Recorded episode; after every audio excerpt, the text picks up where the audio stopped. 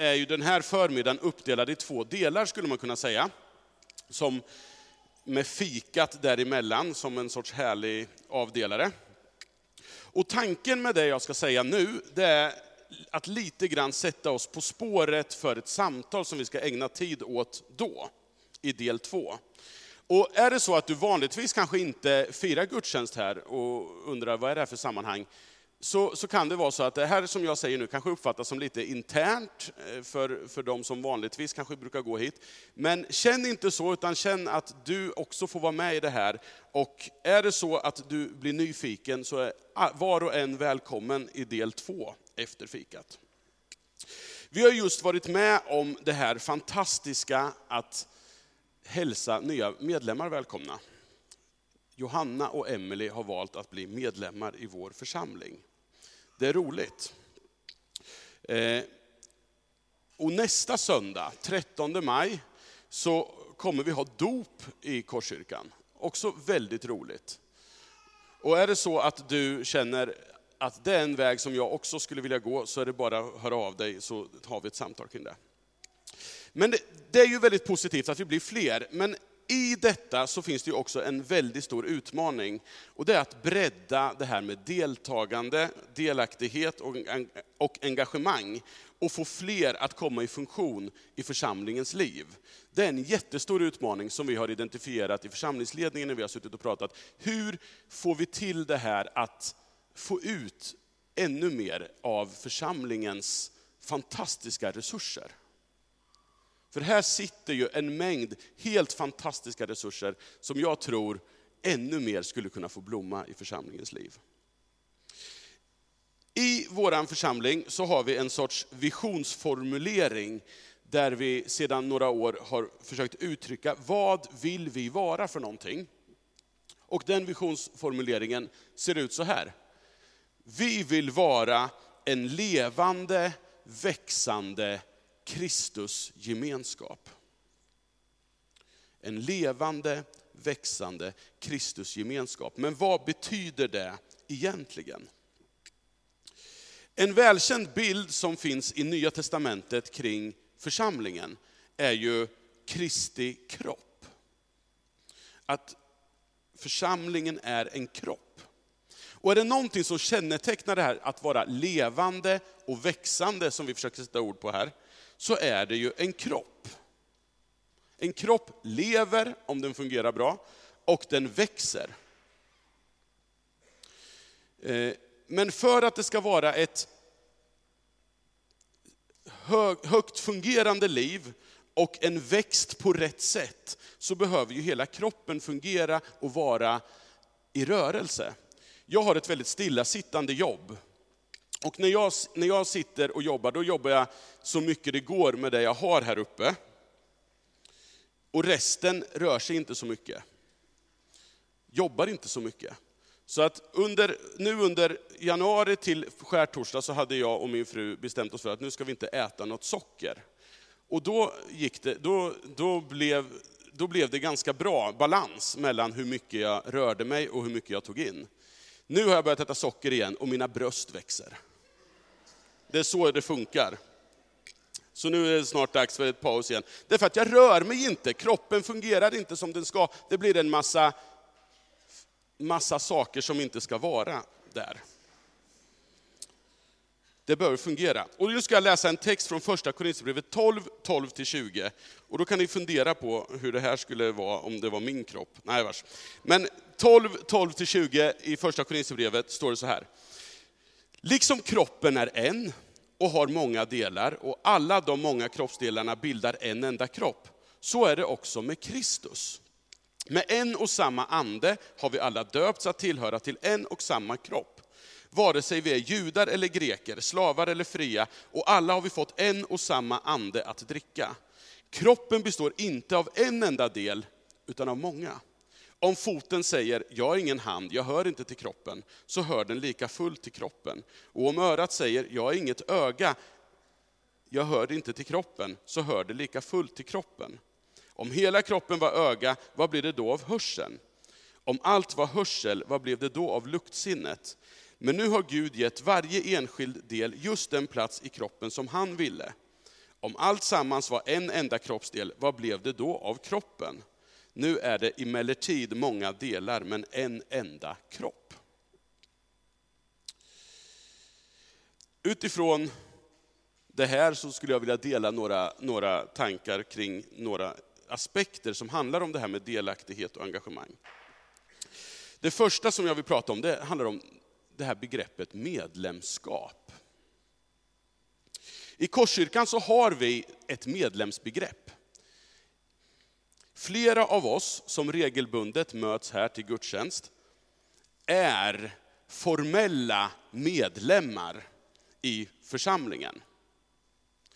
Men flera av oss som regelbundet möts och har engagemang i församlingen och deltar fullt ut, är inte det som vi kallar för formella medlemmar.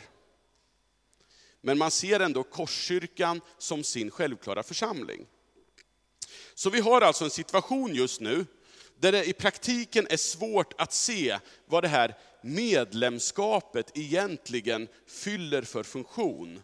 Vad gör det egentligen för skillnad i praktiken, kan man fråga sig. Och nu tänkte jag så här, vi ska göra en liten gallup här. Eh, ni som har en smartphone, hur många har en smartphone med sig här? Härligt, ni tar fram den. Och så går ni in på er webbläsare och så följer ni instruktionen som kommer här på, på, eh, eh på den här. Ni går in på www.menti.com. Och så slår ni den där koden och så svarar ni på den frågan där som kommer upp, så ska vi se här vad ni egentligen tycker om det här med medlemskap. Ska vi se här.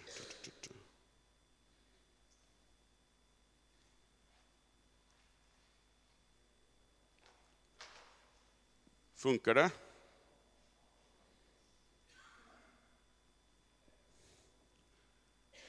Ser ni koden där? 94 78 15 är koden.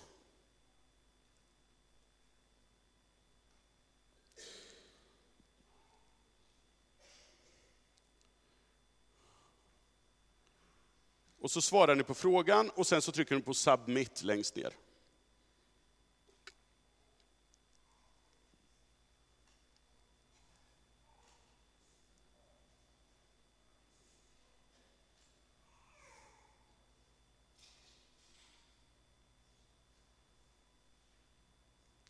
13 röster, 14, 15.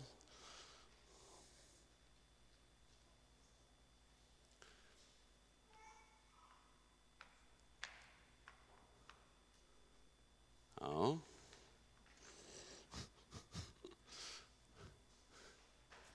Det får stå och ticka där, så pratar jag på här. Utifrån den här texten som jag läste förut, från, Roma, från första Korinthierbrevet, och det här inledningsordet som Linn och Bedros läste, eh, om att vi är en enda kropp, där vi var för sig är olika lemmar, så är det svårt att förkasta det här medlemsbegreppet. För själva ordet medlem kommer ju från den här tanken att vi hör ihop som lemmar i en kropp med varandra. Vi är medlemmar. Att sen att det i andra ideella föreningar, att medlemskapet har fått en annan betydelse, som i sin tur sen också har smittat av sig på församling, betyder inte att begreppet i sig skulle vara fel, tänker jag. Men vad innebär det att vara medlem i Kristi kropp? Vad är det för skillnad på det och en vanlig förening? Under de senaste decennierna så har ju medlemsbegreppet varit väldigt ifrågasatt inom frikyrkan, men inte så mycket i Korskyrkan tydligen. Eh, eftersom det är 69 procent av er som är här som tycker att det är ett bra sätt att markera sin överlåtelse till församlingen. Det är bara 4 procent av 56, det är alltså två personer ish av er, som röstar på att nej, det känns förlegat, formellt och stelt. Det är intressant att, att höra. Eh, men ifrågasättandet av medlemsbegreppet hänger ju ihop med den här samhällstrenden vi har i vårt land, där föreningar dör ut. Det formella medlemsbegreppet har ofta kommit att associeras med formell och stel institution, istället för den levande rörelsen som man förstår att en församling borde vara och utgöra utifrån apostlagärningarnas berättelse om den fantastiska tillväxten och hur härligt det var och fint och så. Eh, föreningsmodellen, som de flesta församlingar rent juridiskt är organiserade runt, ställs ofta i motsats till det här som då är en biblisk församling. Och det finns vissa poänger i det, för det är ju väldigt olyckligt när det blir ett väldigt glapp mellan vilka som är medlemmar i föreningen, sådana som då har gått med och som har rösträtt och så här. Eh, och de som uppfattas vara med i församlingen, de som kommer och är med och är en del av livet. När det blir det här glappet så blir ju medlemsbegreppet väldigt ifrågasatt. Och det är ju inget konstigt. Men den här samhällstrenden, eh, den här samhällstrenden rörande föreningslivet och ideellt engagemang speglar ju även av sig i våra församlingar. Och vi ser det inte minst i relation till en sån samling som vi ska ha efter den här samlingen. Som vi i vårt sammanhang kallar för kvartalsmöte, men som, men som då är vårt församlingsmöte, där vi möts för att dryfta församlingens angelägenheter och fatta beslut och så. Eh, församlingsmötet i kyrkorna i Sverige lockar allt färre. Och ju färre som lockas, desto, desto mer får ju de här mötena den här karaktären av att en envägskommunikation från ledarskapet som berättar och informerar om vad som händer. Och det är ungefär på den nivån. Och här ser vi en nedåtgående spiral i våra kyrkor. Det är svårt att samla folk till de här samlingarna. Och då tolkar man det som då i församlingsledningar och annat som att församlingen är nog inte så intresserad av det vi gör. Och eftersom det intresserar så få så blir det liksom lite pliktskyldig informationsförmedling och sällan viktiga samtal om ideologiska frågor och strategiska framtidsfrågor och så. Och det i sin tur gör ju att de som från början ändå var intresserade också tappar sugen. Det faktum att vi i vårt sammanhang här i Korskyrkan har förlagt våra kvartalsmöten mitt i fikat, för att folk nästan ska tvingas till att bli informerade om vad som händer. Det är ju en effekt av det här. Det är så svårt att samla folk, folk är inte så intresserade, men de måste nå ut med informationen.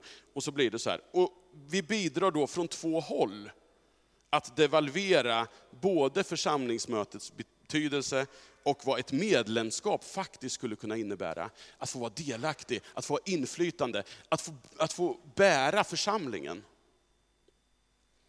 Personligen anser jag att vårt sätt att hantera och förhålla oss till det här som vi kallar för församlingsmöte eller kvartalsmöte, det är ett av vår församlings stora sorgebarn. Och nu tänkte jag att vi ska ta en fråga till här rörande församlingsmötet eller det som vi kallar för kvartalsmötet som vi kallar det. Och nu kommer den frågan här. Ja, folk har redan börjat. Vad härligt. Är det viktigt? Ser ni, ser ni alternativ? Ja, det gör ni, ni har ju den här.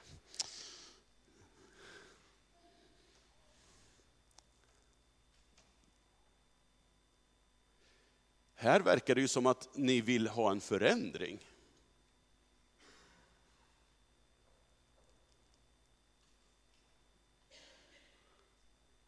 Vad spännande. Det, det trodde ju inte vi, tror jag, i församlingsledningen har nog inte trott det. Eftersom vi inte har gjort det här förut. Vad roligt. Kul. Det får fortsätta ticka.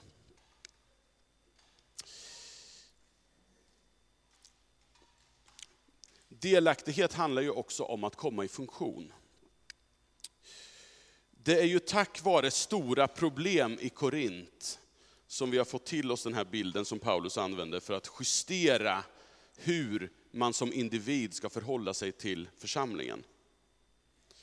Precis som omvärlden där i Korint, så var människorna i den här församlingen präglade av sin egen status och jakt på en position.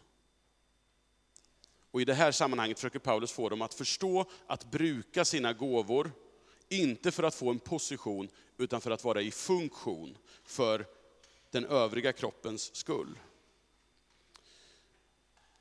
En poäng blir ju då att alla blir viktiga. Och senare konstaterar Paulus att när ni samlas så har var och en, alla, har någonting att bidra med. Men allt ska syfta till att bygga upp. Så genom andens utgjutande så har en sorts demokratisering skett. Där alla troende, inte bara några få särskilt utvalda, får del av anden. Vi ser det här på pingstdagen i Apostlagärningarna 2, hur anden faller. Och alla som är där blir budbärare. Alla blir använda av Gud. Och Petrus beskriver senare i sitt första brev som vi har i Nya Testamentet, hur alla troende nu är prästerskapet i världen för att förmedla Guds storverk. Historiskt sett så var ju det här ett befriande budskap, där människor blev bemyndigade. Och det här vann ju stor spridning genom gemenskaper där det här levdes ut från första början. Men successivt så kom ju mycket av det här stelna. Inte minst när den kristna tron förvandlades från en befrielserörelse på gräsrotsnivå till en statsreligion och en institution. Storleken på församlingarna blev så här gigantiska. Och prästernas numera respektabla position tog död på det breda engagemanget och det breda deltagandet reducerades till att gå på gudstjänst, ta emot andliga tjänster som dop, nattvard och sånt. Som förrättades av ett fåtal utvalda personer. Några få bidrog, resten var bara där. Och det här har ju liksom varit ett kännetecken i den breda kyrkohistorien sedan dess. Kyrkan är en institution som förmedlar saker. Folket kommer till och tar emot. Men faktum är att frikyrkorörelsens rötter, inte minst de rötter som vi har som i evangeliska frikyrkan inom baptismen, finns i en återupptäckt av ett annat sätt att vara kyrka på med Bibeln som grund. Långt före den demokratisering som samhället genomgick så införde våra förfäder på 1800-talet rösträtt och inflytande åt alla sina medlemmar, kvinnor och män, lika. Församlingsmöten blev en frihetsmanifestation där alla fick yttra sig och delta i beslut rörande församlingens väl och ve. Och det här blev för dem ett sätt att gestalta, vi är en kropp. Alla har någonting att bidra med och var bemyndigade genom anden. Så när man möttes i församlingen, då hade pigan samma rösträtt som husbonden. Det var helt, helt revolutionerande. Församlings, församlingsmötet var inte ett nödvändigt demokratiskt alibi som man liksom klämde in. Utan det var det mest heliga och viktiga i gestaltandet av vad det innebär att vara en enda kropp, där alla har någonting att bidra med. Och tänk om vi som församling här 2018 skulle kunna återerövra något litet av den känslan igen. Att vi, var och en, har någonting att bidra med. Du är superviktig. Och är det så att du inte deltar, så går kollektivet miste om någonting omistligt. Du är viktig, du har någonting att bidra med. Eller är vi oundvikligen på väg mot ett mer ledarcentrerat församlingsliv? Och den här frågan vet jag kommer att diskuteras på vårat, vårat samfundskongress som är till helgen här nu. Om vi håller på att frångå vår baptistiska identitet här på det här området, när det gäller inflytande och deltagande i församlingens liv.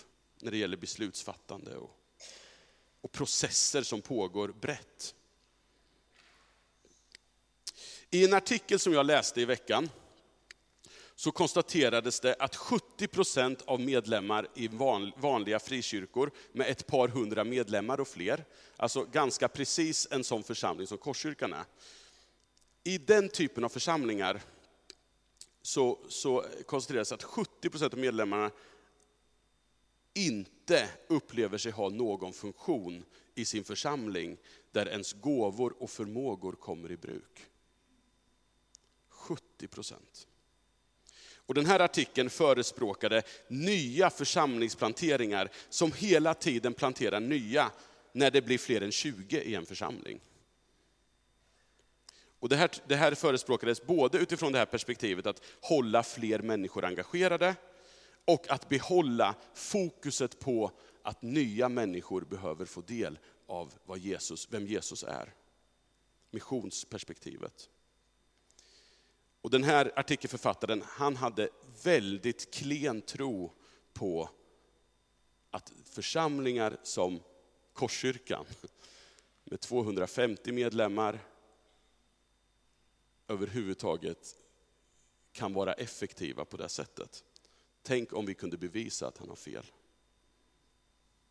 För om 70 procent stämmer så har vi rört oss tillbaka till ett väldigt fåtalsengagemang och ett scencentrerat församlingsliv. Där allting som händer pågår från en scen och där andra tar emot. Det är inte de rötter vi har. Det är inte det som är Kristi kropp.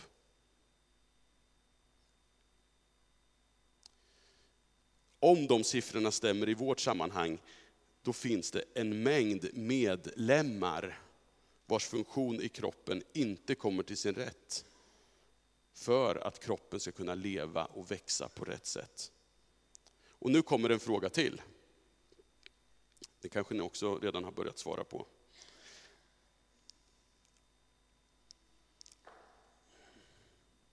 Anser du att du får komma till din rätt i församlingslivet?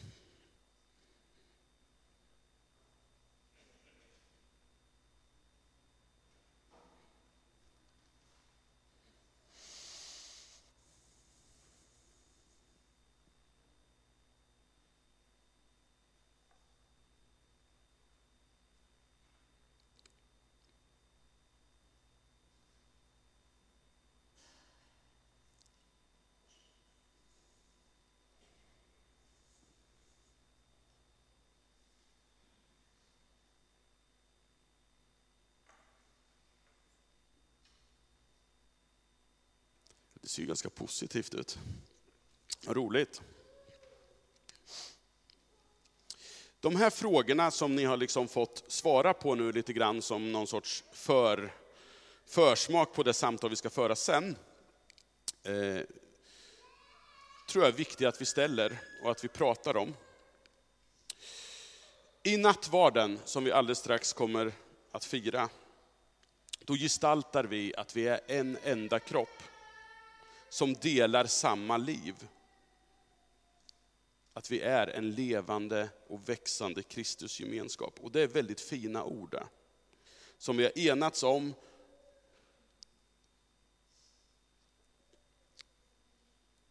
Vi har enats om att den formuleringen inte bara ska stanna vid att vara just fina ord, utan bli mer och mer och mer verkligt. Och att bli medlem i Korskyrkan, tänker jag, det är att säga ja till det projektet. Och då är ju frågan, hur mycket deltagande och engagemang får det kosta oss? Och hur kan de funktioner som längtar efter att komma i bruk förlösas i vår gemenskap? Det här är jätteviktiga frågor som vi behöver bearbeta och hela tiden ställa oss. Ska vi be tillsammans?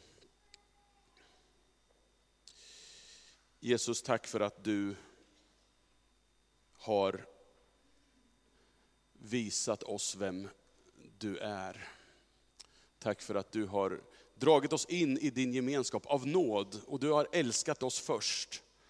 Tack för att vi får vara en församling som firar gudstjänst här den här söndagen. Vi ber också om att vi genom vårt sätt att vara gemenskap ska få vara en gestaltning på vad ditt rike handlar om.